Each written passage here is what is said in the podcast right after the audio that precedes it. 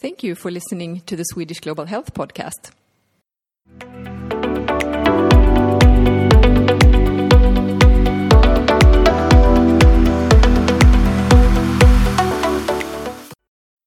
So now we would like to welcome Helen Clark, who just joined us, and also to you, Sir Michael Marmot. Welcome back to Thank this improvised studio. Uh, Helen Clark, you are the former Prime Minister of New Zealand, and you were also the first woman to serve as the head of the United Nations Development Programme, UNDP. And this year, you and your colleagues launched the Helen Clark Foundation with the goal to gather, interpret, and communicate evidence in order to both diagnose the societal problems we face and propose new solutions to tackle them. So, first, uh, for those who are not familiar with the UNDP, how would you describe their work and mission? UNDP was established when U Thant was Secretary General, and he saw UNDP as being the lead agency in the UN on the fight against poverty. That was the mandate fight against poverty, eradicate poverty. Now, over the years, UNDP's mandate then developed uh, so that governance was seen as an important part of the fight against poverty, having effective governance, rule of law, state of peace. Uh, it also uh, grew very large environmental portfolios because of the close intersection between uh, poverty eradication and the state of the natural environment. So many of the world's poorest people are completely dependent on subsistence, uh, and that subsistence may be threatened, particularly in an era of fastening climate change, by extreme drought, by extreme flooding, by e- extreme cyclonic or, or, or other events. Uh, so UNDP kept the focus on poverty eradication, but said it's actually linked to the quality of governance and rule of law and the state of peace, and it's linked to the state of the environment. Sounds actually rather like the Ottawa Charter and the Almaty Declaration, because if you can get all these things right and working together, uh, then you're going to have a, a health, healthier, happier population. So one of the things that are really exciting with having you both in the same room at the same time is that you have both made great contribution to global health and development at large, but you come from different uh, perspectives or backgrounds. So Michael, you as a scientist, and Helen, you as a politician. So it would be interesting to know how you see the fields collaborating. What can we learn from each other, and how do we draw from the knowledge in the different, different fields?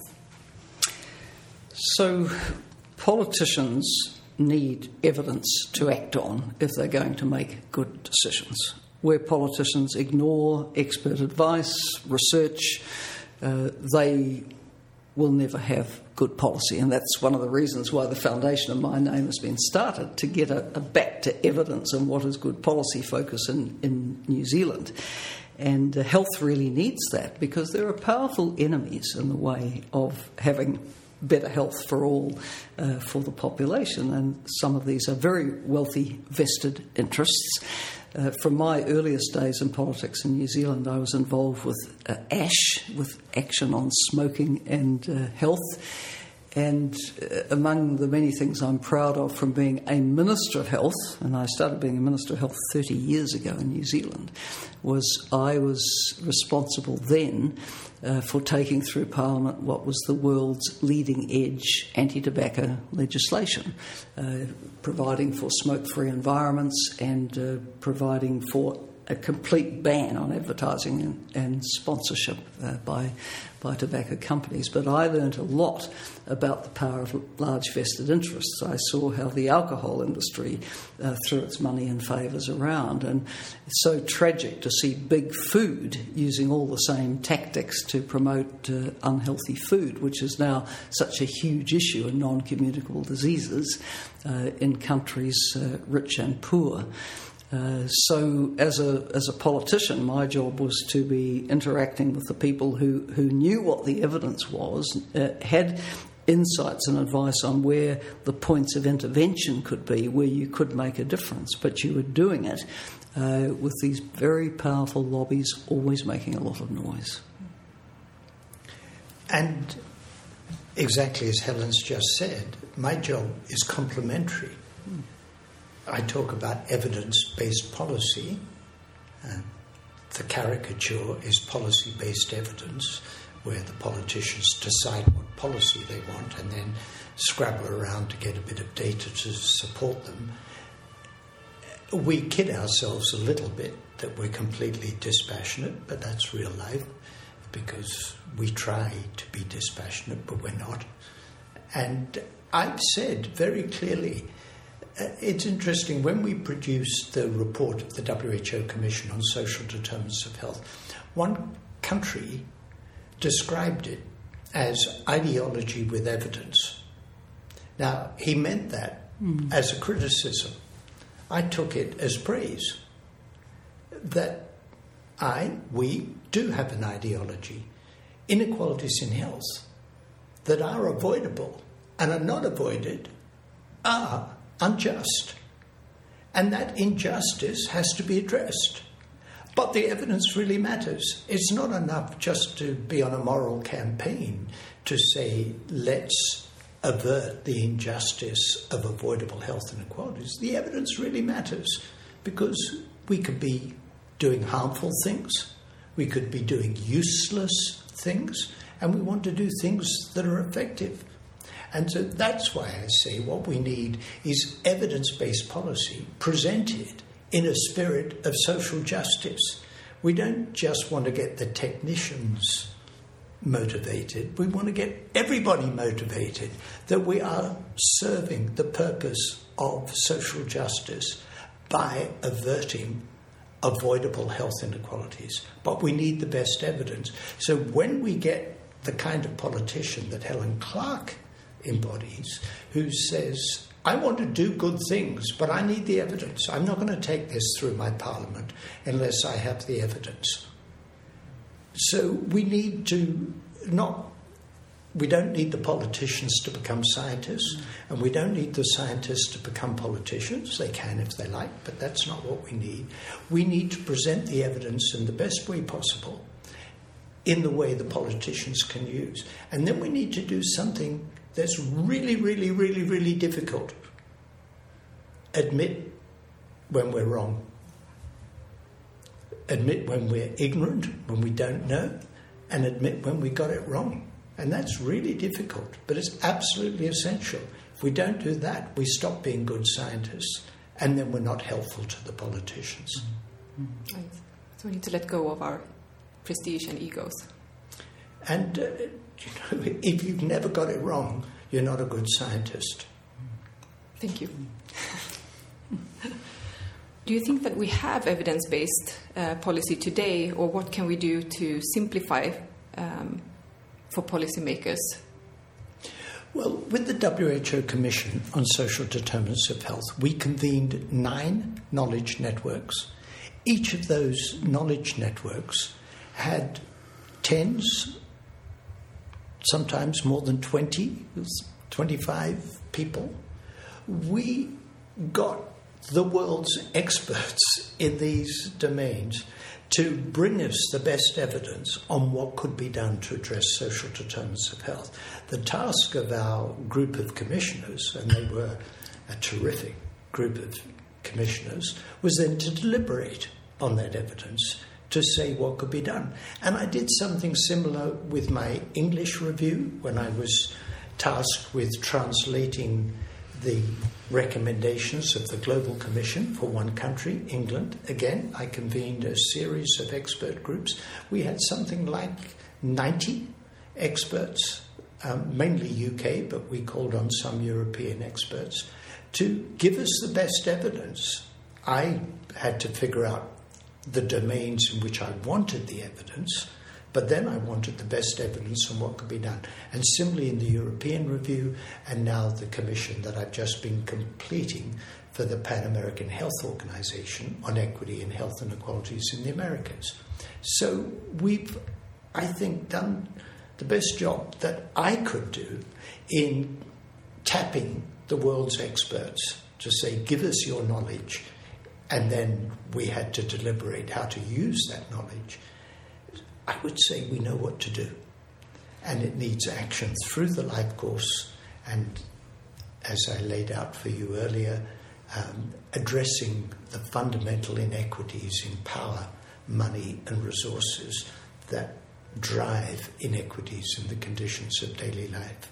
I think there's also a third element uh, to the partnership to make things move. So the experts are vital, uh, the government will is vital. But then you need the voices from the society and the community on board. And when I think back, you know, the 30 years ago to when I was taking really landmark anti tobacco legislation through Parliament, it would have been very hard to do that if I hadn't had a lot of the I hadn't had all the civil society groups who had an interest on board, whether it was the, the, the Diabetes Society, the Cancer Society, the Heart Foundation, uh, the Asthma uh, Society. All the people who are out there working in the community with all the conditions that had an association uh, in some way uh, with the harms of tobacco. So, mobilising community and, and voices uh, who are close to those who, who are suffering, uh, being able to speak up and support, that becomes extremely useful. And they can help translate what may be technical also into the layperson and community terminology. Yeah, that's an excellent point. Yeah. So, uh, in summary, we know what to do. The evidence is there. But the question is, what are the barrier, barriers to implementing evidence-based policy, and, and are the barriers different on, on, different income levels? Well, can I pick up something that, that yeah, Helen yeah. just said?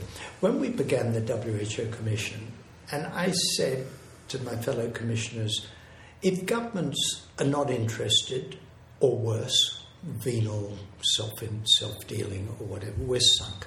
There's nothing we can do. And one of our commissioners Mirai Chatterjee, who was one of the conveners of the Self Employed Women's Association in India, a non governmental organization, essentially a trade union of the poorest, most marginalized women in India. She said that's quite wrong. If government won't act, we act. We, the power of a social movement, we act on behalf of our sisters. And then we force government to act. So if they won't take the lead, we take the lead. So what Helen said is absolutely right. Um, and that the third sector, civil society, can often be in the lead, pushing the rest of us along.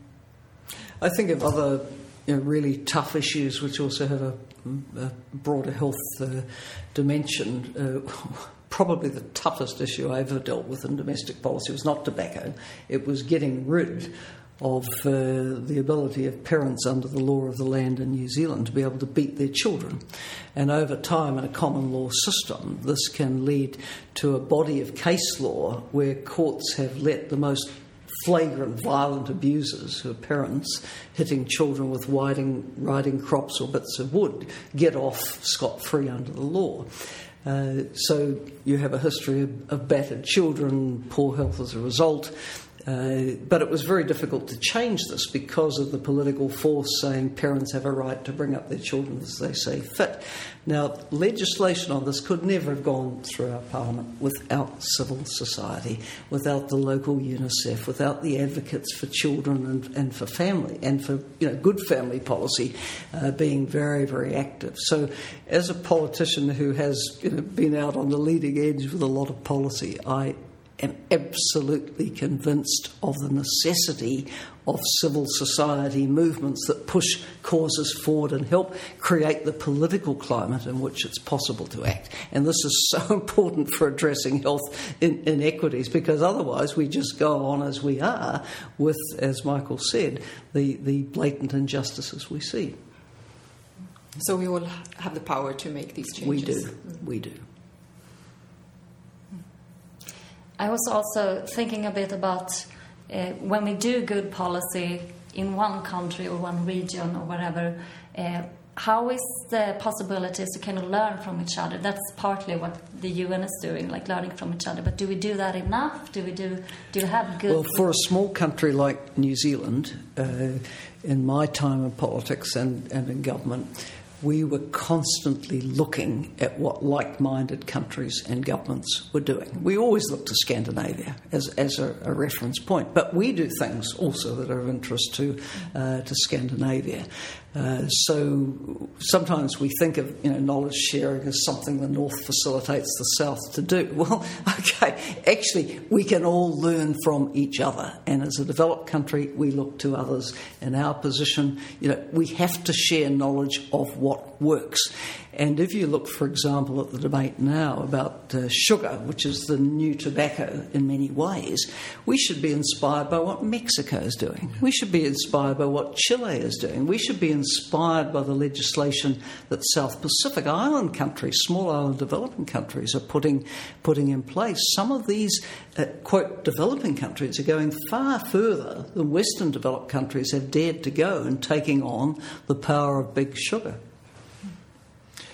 And again, thinking scientifically, we look to the evidence wherever we can find it.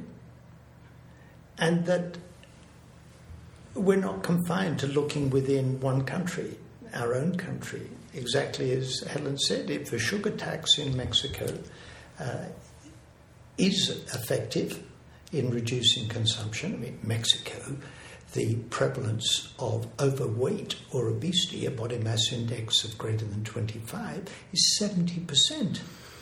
You have in Mexico, in the same families, malnutrition, undernutrition of children, and obese older siblings. Mm.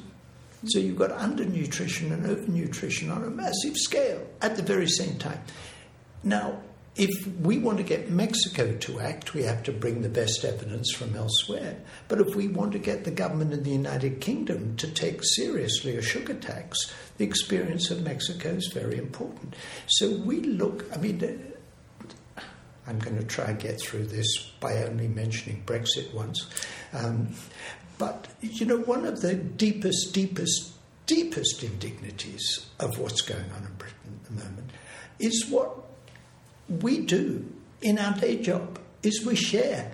Yeah. We're part of a global community. We learn. Mm. We learn from New Zealand. We learn from the Nordic countries. We learn from what's going on in Rwanda. We learn from wherever we can. We're part of a global community. My colleagues are as much European as they are British. And the idea that we can be one insular little island off the continent of Europe goes against everything that people like Helen and, and I do in our day job. Our day job is sharing, learning from others, and applying that knowledge. Not saying, well, they did it over there, but we're, whatever we are, German. Exceptional. exceptional, and that doesn't apply here. It's the opposite. Now, you can't simply go from country A to country B and expect that the context and the culture doesn't matter. The context and culture matter enormously. Um, so you can't simply take a recommendation, something that's worked in one country, and apply it unthinkingly somewhere else. You've got to take context and culture into account, but that's a scientific question as much as a political question. Right. And contexts and countries are also converging more and more, so there will be more and more to learn from each other. Absolutely. Yeah. Yeah. And, and you know, definitely in health, we're seeing enormous innovation in, in countries as, as we've just described in, in, Latin America on the sugar issue.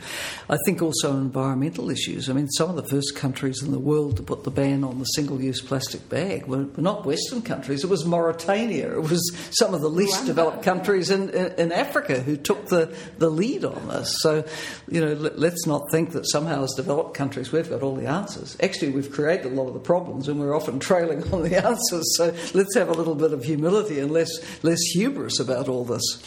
And then, of course, the counterpart to learning from what goes on in different countries is, again, following on from what Helen just said, climate change, you could say, is an inconvenience if you live in the British Isles. It's life or death if you live in some countries. It's not an inconvenience, it's life or death. It's floods and cyclones and huge hmm. weather events that are killing people and making hundreds of thousands of people homeless. And that relates to what we do. So we need to look at the actions that we, individuals living in a privileged country, take and the impact that's having on the rest of the world. And I think if I buy an article of clothing, it's quite nice not to have to pay a lot of money. But when a clothing factory in Bangladesh collapses and kills hundreds of workers, I feel a little bit responsible because it was my desire for cheap clothing that led to subhuman working conditions in Bangladesh. So we also need to realize that we're globally interconnected. I think in the era of, of this fast warming climate, which is quite terrifying, and Greta Thunberg is right that Davos should panic, right? They should panic uh, because it's extremely serious. Uh, but what once may have seemed to be quite an ac- academic debate, we're now seeing the consequences of you know, media report on, on media report. And just earlier uh, in March, I went to the western provinces of Afghanistan, of Herat and Badghis, which are uh, among the 20 provinces in the country which have been experiencing what some describe as a one in 100 year drought, but that's almost become an irrelevant definition now because it happens so often. But in essence, if you have a drought for three years and you are poor rural communities, which is a lot of Afghanistan, your livestock all die, you've run out of food, you can't grow anymore, and you start a trek poor, desperate families to tented camps on the outskirts of of the towns and cities. And as I drove around Herat and the capital city of Badghis, I saw these these tented settlements. I I go into a hospital on the outskirts of Herat.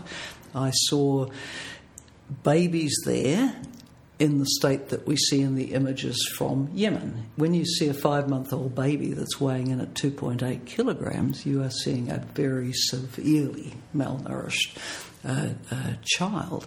But where all these issues come together is people were poor anyway. The drought, and it's coming around more, more often, is completely cleaning them out. They're living in a country uh, where there's an ongoing insurgency, where the insurgents probably control 70 to 80% of the country. This country is stressed by conflict. Every vulnerability is exacerbated. If you want to talk health inequities, look at this. You know, a starving child in Afghanistan, his family's left a poor rural neighbourhood because of climate change, and, and the level of conflict in the country has made mm-hmm. development extremely difficult. So we have a nexus of issues affecting the poorest of the poor. Mm, very true. And we also wanted to address another type of inequity because, Helen, you have been both a role model and a champion for gender equity and women's rights. So, what do you think are the most important challenges to achieve gender equity in low and middle income countries? Well, where, where should we start? You know, if, if I think of health, uh, for example, what is absolutely fundamental to the health of women and girls? It's the right to access sexual and reproductive health services. It's the right to say yourself whether you want to get married, when you want to get married, will you have children, how will you space them. And these basic rights are denied to so many women and girls. One of the focuses of my visit to Afghanistan was to look at uh, how some of the community up based campaigns against forced early child marriage uh, are operating. And I sat down with two families. Uh, where in one case a 12 year old girl and the other a 13 year old girl uh, uh, had been uh, about to be placed in marriages as second wives because the families were extremely poor. in the traditions of the country, girls often have married quite young, but all these economic pressures then make the girl an economic asset to, in effect, be sold into, into a marriage. Uh, I met uh, one of these families with a 12 year old was up for marriage. Mum was 27. She had seven children. The oldest was 14, the youngest two. Everyone was illiterate. Dad was uh, addicted to, to drugs and, and never there at all. I mean, you know, you're looking at this from a woman's point of view and thinking, this is just so deeply terrible and, and, and unfair. So, uh, the right to have a say over the kind of lives we want to, to live, the, the right to have the, the rights of children, uh, the rights of the girl child upheld, the rights of women upheld, to have, to have education, to have you know, access to, to the services that you need. This is, this is so basic. Uh, so, in the, the health area, I have got involved with um, uh, a global health 50 50 initiative, which is looking at decision making in, in global health. And we find that uh, actually most global health organisations don't have effective gender strategies at all, that the decision making is pretty much monopolised by blokes, and yet we have to take a gender lens on health. You know, women make up 70% of the health and social care workforce.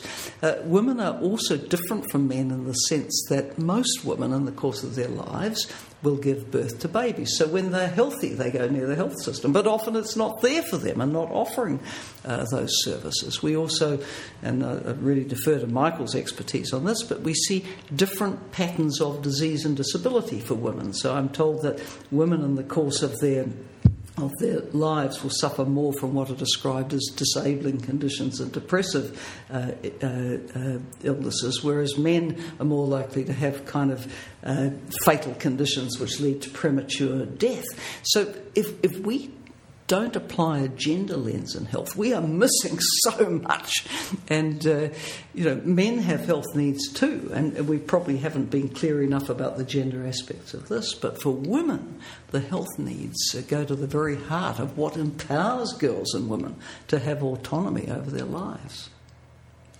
So, a couple of comments, agreeing completely with what Helen just said. Many years ago, I was at a meeting in fact, it was in the Eastern Mediterranean region of WHO. And somebody said in most countries, men suffer mortality from tuberculosis more than women. But in many of the countries of that region, women were suffering more than men. And then somebody else spoke and said, My job is tuberculosis, and my job is to hand out pills. What's wrong with that? I said, You've got the wrong job description. Mm. What we just heard was two things. One, women suffering more from TB than men. And second, that women depended on the decisions of brothers, fathers, husbands as to whether they could access health care. Yeah. You got the wrong job description, mate. Your job shouldn't be to hand out pills. Your job should be to control tuberculosis. And you can't do that without empowering women. That's what we've just been hearing. And so I would add to what Helen said. You mentioned it briefly in passing not just access to services, but education. Education gender equity in education. Gender inequity in education is totally indefensible. Okay, countries don't get everybody into education, but to have more boys in education than girls is totally indefensible. We'd like, and in fact, in most parts of the world, there have been great advances in access to primary education. The challenge now is to have similar advances in access to secondary education gender equity has to be a priority. Data from the demographic and health surveys, there's a question that asks Is it acceptable for a husband to beat his wife if she refuses to have sex with him?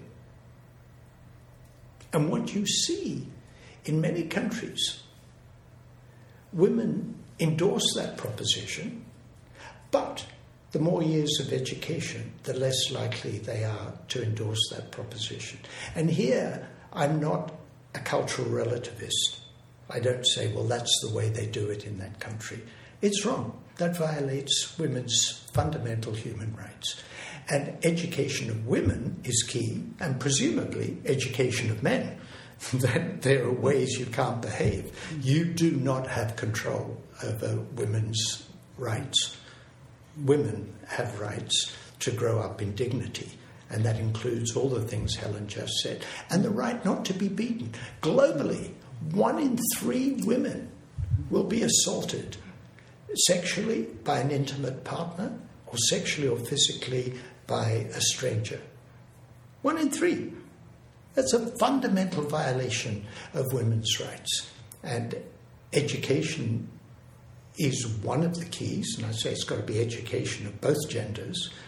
Uh, but there's much more we need to be doing. And that's, in a way, an indicator. Violence against women is an indicator that um, it could be violence against women within the healthcare services. There's a different kind of violence, but it's still violence of taking away women's rights and autonomy. Mm. So, absolutely fundamental. And Helen can't say this, but I can. Mm. And role models like Helen Clark are vitally important. Mm. Absolutely. We have talked about the cross section between research and politics and how we need to learn from each other on different income settings and, and, a lot of different things today. So just since we're almost out of time, I was thinking to, to just ask you how you see the public health field evolving further. What sort of competences and uh, maybe challenges do you see in the next generation to come? When I started talking the language of social determinants of health, I had people saying, What? Take the United States now, where they've got huge health problems, huge problems of inequity. Uh, poor people in the United States have shorter life expectancy than in many Latin American countries. Huge inequities. But the language of social determinants of health has taken off. That is very promising to hear. And I can really relate to that. When I studied medicine in the late 90s, there was very little talk about the social determinants of health. Yeah, and uh, I, I finished my studies just one year ago.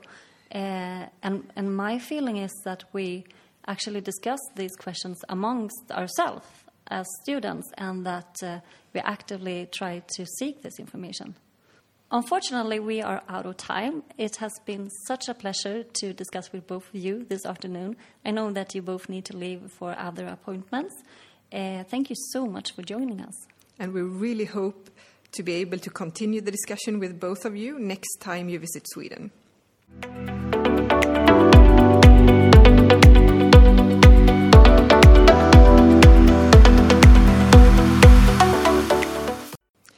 So today we have heard a lot about what needs to be done to improve health globally. And in the coming episodes of this podcast, we will continue exploring different topics in global health, what needs to be done to achieve it, and what you and I can do to contribute to equitable health and sustainable development. Thanks for listening in. Thank you.